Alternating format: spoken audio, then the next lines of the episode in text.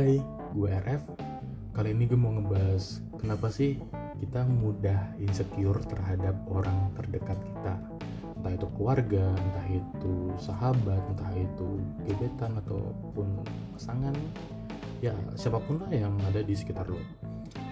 Nah, tapi gue mau nanya dulu nih kabar kalian gimana karena karantinanya udah dua bulan lebih kali ya, udah hampir tiga bulan kayaknya. Tapi ya gue berharap sih kalian fan-fan aja di rumah walaupun mau berkegiatan juga uh, tetap nurutin peraturan pemerintah social distancing berjarak jangan bergerombol dan menggunakan masker oke? Okay?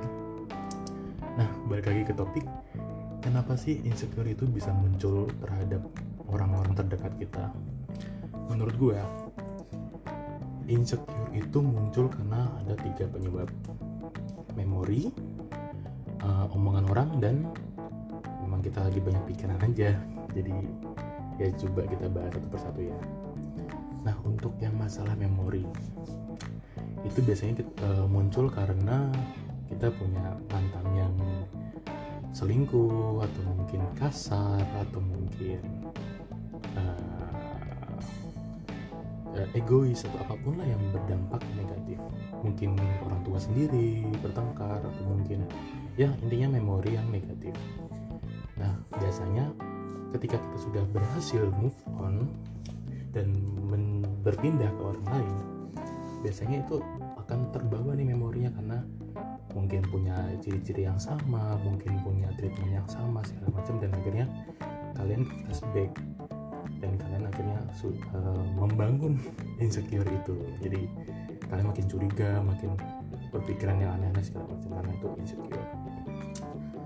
Nah yang kedua lo boleh sih buat dengerin curhatan temen lo mau dengerin quotes atau dengerin podcast tapi kalian itu harus bisa ngefilter mana nih hal baik yang perlu gue tangkap mana nih yang negatif yang perlu gue buang? Jadi itu ngebuat kita insecure uh, kayak ngebangun gitu loh. Oh dia gini oh dia gini. Toh gue pernah dengerin curhatan temen gue juga kayak gitu. Jangan-jangan semuanya sama bla bla bla bla segala macam nah untuk yang ketiga ya memang lagi banyak masalah aja. Kalian mungkin di kantor ada masalah apa di kuliah ada masalah apa di keluarga ada masalah apa sampai akhirnya penuh nih toh juga kebetulan kalian memang tipikal yang memendam kalian tipikal yang tidak bisa terbuka terhadap masalah-masalah yang kalian alami. Itu yang membuat kita overthinking. Akhirnya emosi tidak stabil karena banyak masalah. Terus orang terdekat ini yang ngemancing gitu loh. Kayak kitanya jadi lebih sensitif. Coba kalian usahain untuk mencari satu wadah cerita ya buat kayak netralin gitu loh emosinya biar nggak biar nggak labil.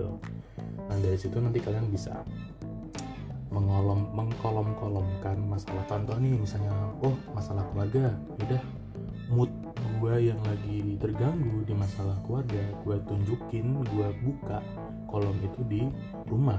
Nah misalnya lagi ada masalah sama temen udah ketika mood lo lagi nggak enak gara-gara seseorang ya udah lo lampiaskan atau lo ekspresikan di depan orang itu. Jangan sampai lo pendam dan lo lampiaskan ke circle lain. Dia akan menjadi luas kan kayak ini apa sih kalau tiba-tiba dia jadi sensitif bla bla segala macam padahal kita nggak ngapa-ngapain kayak gitu. Takutnya miskomunikasi nah kalau menurut gue sih insecure itu ya penting nggak penting sih. Jadi menurut sudut pandang gue insecure itu adalah uh, eh, self defense-nya diri kita sendiri. Kita takut untuk mengalami kejadian yang sama, mengalami kejadian orang lain. Jadi itulah kenapa insecure itu datang. Jadi ya lebih baik kalau lo punya rasa curiga, lo punya ada rasa-rasa yang tidak enak buat diri lo, lo lo ekspresiin, lo omongin terhadap orang tersebut dengan bahasa yang baik juga tentunya. Jangan langsung lo maki atau gimana tapi ketika lo pengen berdiskusi sama orang tuh ketika lo pengen ngobrol tentang keinsecurean lo ini lo harus menetralkan mood dan emosi lo jadi biar nggak merembet ke mana-mana kayak gitu. Biar apa ya biar lo mendapat sudut pandang baru biar lo mendapatkan oh ternyata enak lo diskusi biar tidak ada salah paham segala macam. Jadi ya mungkin kalau lo, kalian belum bisa atau belum pandai untuk berdiskusi kalian coba deh untuk ngobrol dengan lawan jenis kalian. Kayak uh, mungkin cerita-cerita hal sepele ngebahas tentang uh, pandemik-pandemik yang ada di sekarang mungkin. Ya saling berdiskusi aja lah belajar untuk membahas hal-hal yang kecil dulu. Nah ini ketika dari yang kecil nanti kalian bisa paham oh ternyata hidup ini bukan tentang sudut pandang gue doang. Banyak sudut pandang lain yang perlu gue pahamin. Bukan gue harus ngertiin tapi perlu gue pahamin doang. Biar kita saling menghargai satu sama lain kayak gitu. Um, mungkin itu aja sih kali ini yang pengen gue bahas tentang insecure. Jadi intinya ketika lo lagi insecure sebisa mungkin lo filter. Ini insecure-nya gara-gara memori omongan orang atau memang gue lagi banyak masalah aja. Jadi ketika lo sudah paham insecure lo itu asalnya dari mana ya udah tinggal lo praktekin aja yang saran-saran yang gue kasih tadi. Semoga bisa berguna sih. Jadi uh, cukup sampai di sini aja. Semoga ada hal positif yang bisa kalian terima. Belajar bareng lah intinya kita. Nanti kalau misalnya lo punya sudut pandang lain lo bisa DM ke Instagram Fisiokonomi yaudah kayaknya udah kepanjang juga.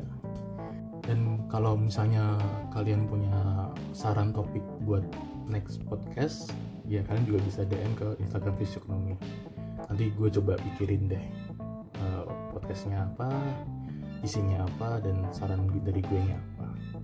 Jadi ya stay safe stay at home. So, uh, keep uh, social distancing pakai masker naikkan imun kalian dengan melakukan hal-hal yang membuat kalian bahagia hindari dari overthinking yang membuat imun kalian turun biar kalian tetap aman dari covid ini ya jadi enjoy aja podcast kali ini ya Goodbye.